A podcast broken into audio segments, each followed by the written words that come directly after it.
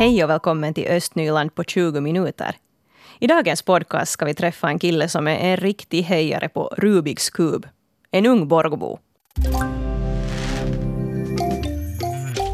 Har ni någon suttit med en sån här Rubiks kub och försökt vända och vrida på den och få samma färg på en sida och så fastnar man på den där ena sidan och tycker att den måste man ju få klar före man går vidare till andra sidan. Och Alltså jag, jag, jag har gett upp med det där att försöka mig på Rubiks kub. Men lite skojigt är det ju. Och det här klassiska problemlösningspusslet så är det säkert en och annan som har försökt knepa med. Men Borgobon Amos Nordman, han har tagit det till en helt annan nivå.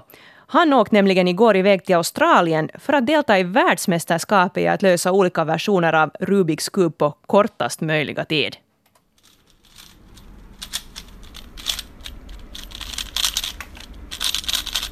Så där låter det när Amos Nordman löser en Rubiks kub på, säg, sex eller sju sekunder. Det var egentligen en slump att han överhuvudtaget hittade grenen. No, jag skulle nog säga att jag alltid har varit någorlunda intresserad av matematik och sånt som har med det att göra. Men det började nog med att vi hade någon typ någon släktings gamla kub hemma hos oss som jag hittade i någon låda ungefär och så började jag försöka lösa den och jag kom nu ingen vart men så hittade jag över internet sen hela den här det här med tävlingar och den, hela den här grenen och så lärde jag mig att lösa den och så var jag fast. Du har tävlat i att lösa olika sorters sådana kuber och nu ska du då delta i, i världsmästerskapet. Hur har du blivit så där bra? Ja, inte har jag något särskilt svar, eller specifikt svar på det men mycket övning. Finns det något särskilt uh, sätt att lösa de här kuberna som man ska lära sig?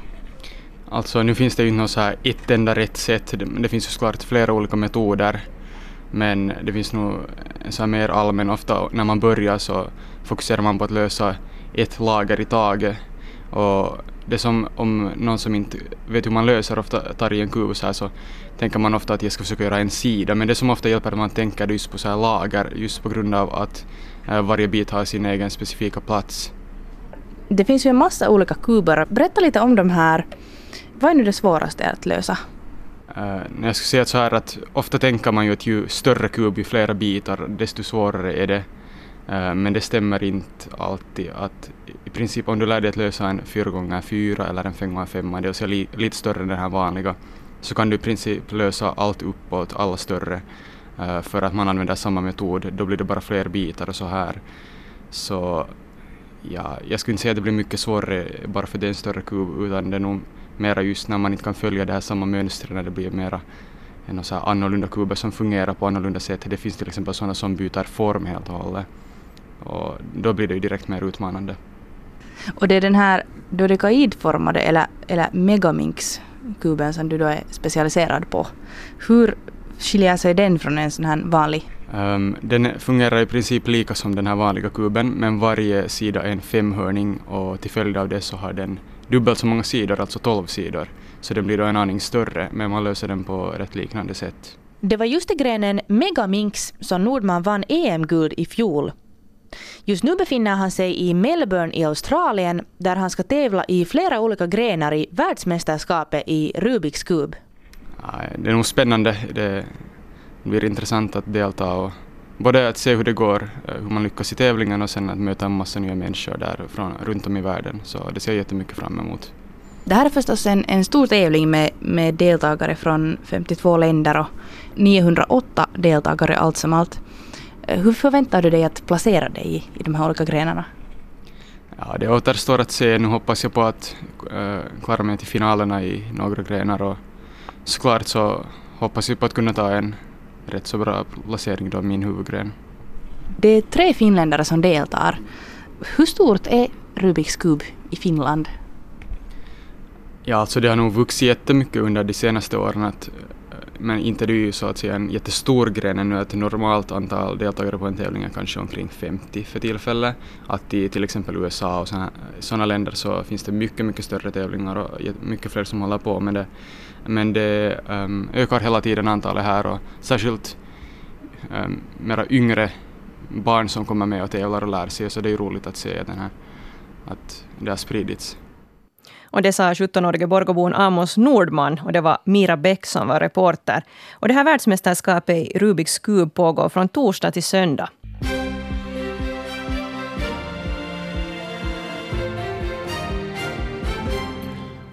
Klockan är halv nio och här är nyheterna från Östnyland. Jag heter Pontus Nyqvist. God morgon.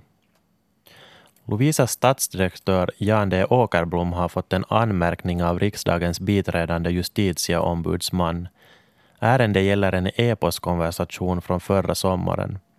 I juni i fjol hade en person begärt att få ut uppgifter om ett invånarinitiativ som lagts fram år 2009. Invånarna ansåg att stadsdirektörens svar var nedsättande och osakligt. Biträdande justitieombudsmannen ansåg att stadens förfarande var lagstridigt då den försummat de skyldigheter som gäller i behandlingen av invånarinitiativet. Behandlingen av invånarens ärende hade orimligt dragit ut på tiden. Dessutom ansåg biträdande JO att stadsdirektörens svar var osakligt. Det var tidningen Osima som rapporterade om nyheten. Stadscyklarna i Borgo har använts 600 gånger. Jan Christian Forsman på Borgå stad tycker att mängden är ganska bra. Speciellt rutten mellan Vårberga och centrum är populär. Cyklarna används också flitigt i centrum. Sommarmånaderna är säsong för inbrottstjuvar, meddelar Östra Nylands polisinrättning. Semestertider betyder att många människor är bortresta och stugor och hus står tomma. Sedan början av året har sammanlagt 19 inbrott anmälts i Borgo, Sibbo och Lovisa. 12 av dem är i Borgo, 2 i Sibbo och 5 i Lovisa. Enligt kommissarie Markus Hammarström kan man ändå inte säga att antalet inbrott avviker från tidigare. I Borgo försöker man undvika att använda växtgifter i parkerna. Istället använder man het ånga för att ta bort gräs och mossa som växer mellan trädgårdsplattor eller stenläggningen. Till exempel i Sibbo används giftet glyfosat runt träden och buskarna. I Borgå vill man undvika användningen av glyfosat även om det inte finns entydiga forskningsresultat som visar att medlet är farligt. Tidningen Östnyland var först ute med nyheten. Visste ni att Lappträsk har en ätbar trädgård? Och den här trädgården är öppen för alla som vill komma och smaka på olika bär och kryddor. Trädgården finns i Klockaparken i kyrkobyn i Lappträsk och vår reporter Rebecka Svedberg hon är där på besök just nu. Nam, ja, här finns en hel del att, att äta. Jag smakar just på amerikanska blåbär. Det är lite kyligt och, och lite regnsjukt här i, i Lappträsk idag men att jag står i en jättefin trädgård. Det är, det är en stor park med allt möjligt och en del av den här trädgården är faktiskt ätbar. Jag har med mig Nora Säily som är kommunikationsassistent här i, Lappträsk. Berätta lite, vad är det här för en trädgård och hur har man kommit på en en sån här idé? Det här parken heter Klockarparken uh, äh, och den är öppet åt alla. Så att några år sedan började kommunen med, med människor här i Lappträsk tänka att hur skulle alla kunna använda den här parken? Och sen frågade kommunen att vad, vad skulle människor vilja ha här? så började de tänka tillsammans att det skulle vara bra att ha gympaställe här och lekpark, men också ätbart. Så här finns nu vinbärsbuskar, smultron, äppelträd. Sen har vi ganska många rabarberbuskar här och många sådana som jag, jag har inte heller själv ätit. Det var så att, att kommuninvånarna då har själva fått säga vad de skulle vilja ha här. Hur, hur aktiva är de här Lappträskborna att, att besöka den här parken? Det är faktiskt, eh, de har hittat den här platsen. Så det här är ju mitt i hela Lappträsk äh, eh, kyrkobyn. Så hittar de hit nästan varje dag från dagis, från skolan och sen unga människor har hittat hit. Och de leker här och de sitter och Ja, faktiskt, nu har de börjat äta här också. Men sen har de picknick här och om en månad har vi parkfesten här. Så människor har börjat använda parken i olika sätt. Förstår människor att, att det går att bara komma hit och, och äta de här, till exempel finns här rabarber. Att, förstår människor att man kan komma hit och plocka och ta med sig hem? Några förstår, men jag tror att nu börjar mera och mera av våra invånare att uh, komma hit och titta vad, vad kan de faktiskt äta här. Och då, om de inte vet så har vi sådana lappar här som berättar. Och nu har jag just talat med vår trädgårdsmästare att man skulle ha sådana ätbara märken också där. Så att man behöver inte googla eller ha någon bok med. Mm. Just nu så står här vi vid en sån här del med kanske mest örter och så är här just de här amerikanska blåbären här finns då. Berätta lite, alltså här är ju en massa örter, vad, vad allt, finns här? Här finns isop, sen har vi tin, äh, timjam där och sen har vi meiram, abynta. Äh, så det finns sånt som man kan använda i vardag och sen sånt att man kan komma och plocka och sen faktiskt riktigt använda och det är lätt att använda. Hur unikt är den här parken eller finns det sådana andra parker också någonstans annanstans i södra Finland? Det finns ätbara parker, parker och trädgård ja, men de är mindre och de är sådana stängda och öppna bara några dagar per vecka eller per månad. Och sen det här är ju den att alla kan komma hit. Den är alltid öppet och det är gratis. Så det är ganska unikt.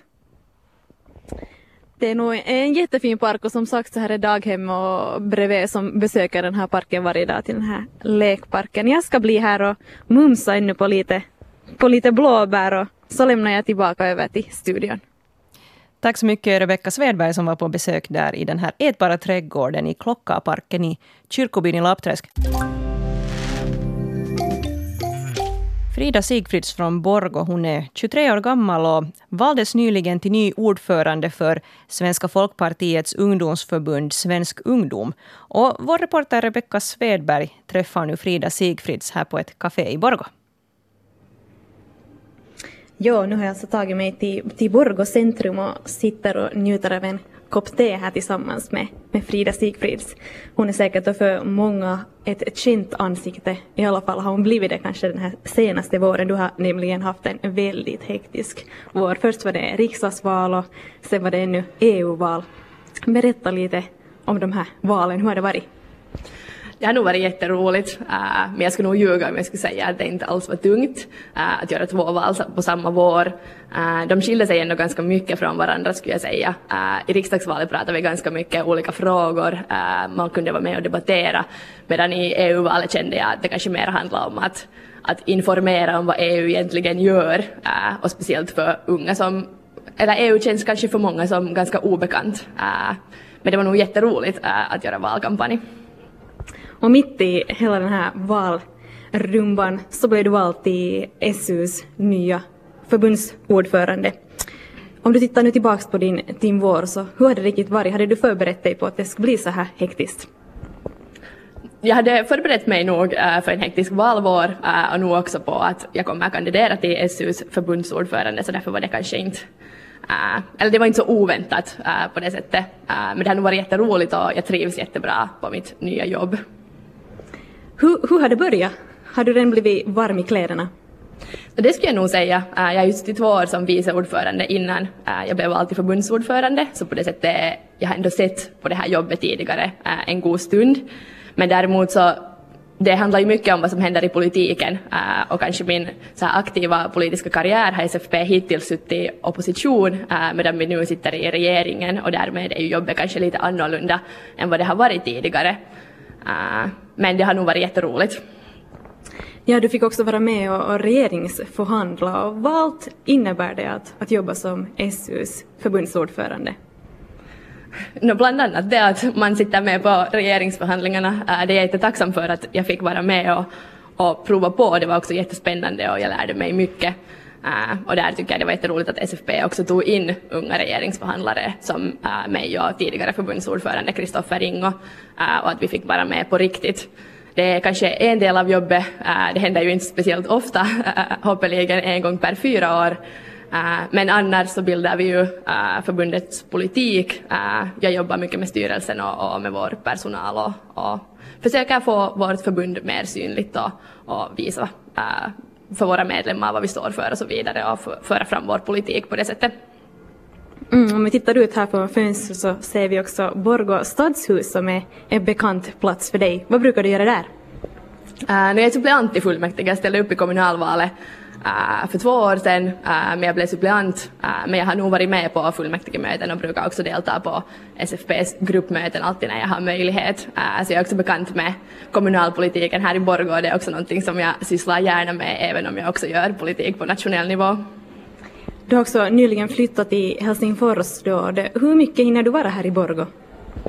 Jag har ju varit här exakt hela våren äh, i och med att jag har gjort valkampanj. Äh, eh, jag har ju tidigare studerat i Åbo och nu har jag flyttat till Helsingfors eftersom SFPs kansli finns där och det underlättar mitt jobb otroligt mycket.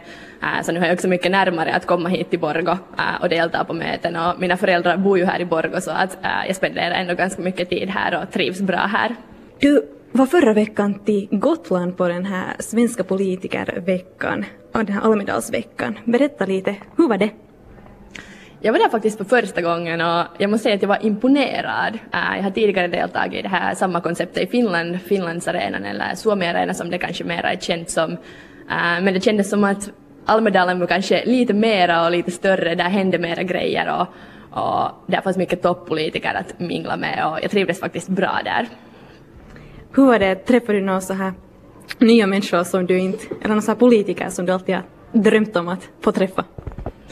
Ja, jag har träffat många av dem tidigare men äh, det är ingen hemlighet, jag är ett stort fan av Annie Lööf äh, och det var jättefint att få höra också hennes Almedalstal.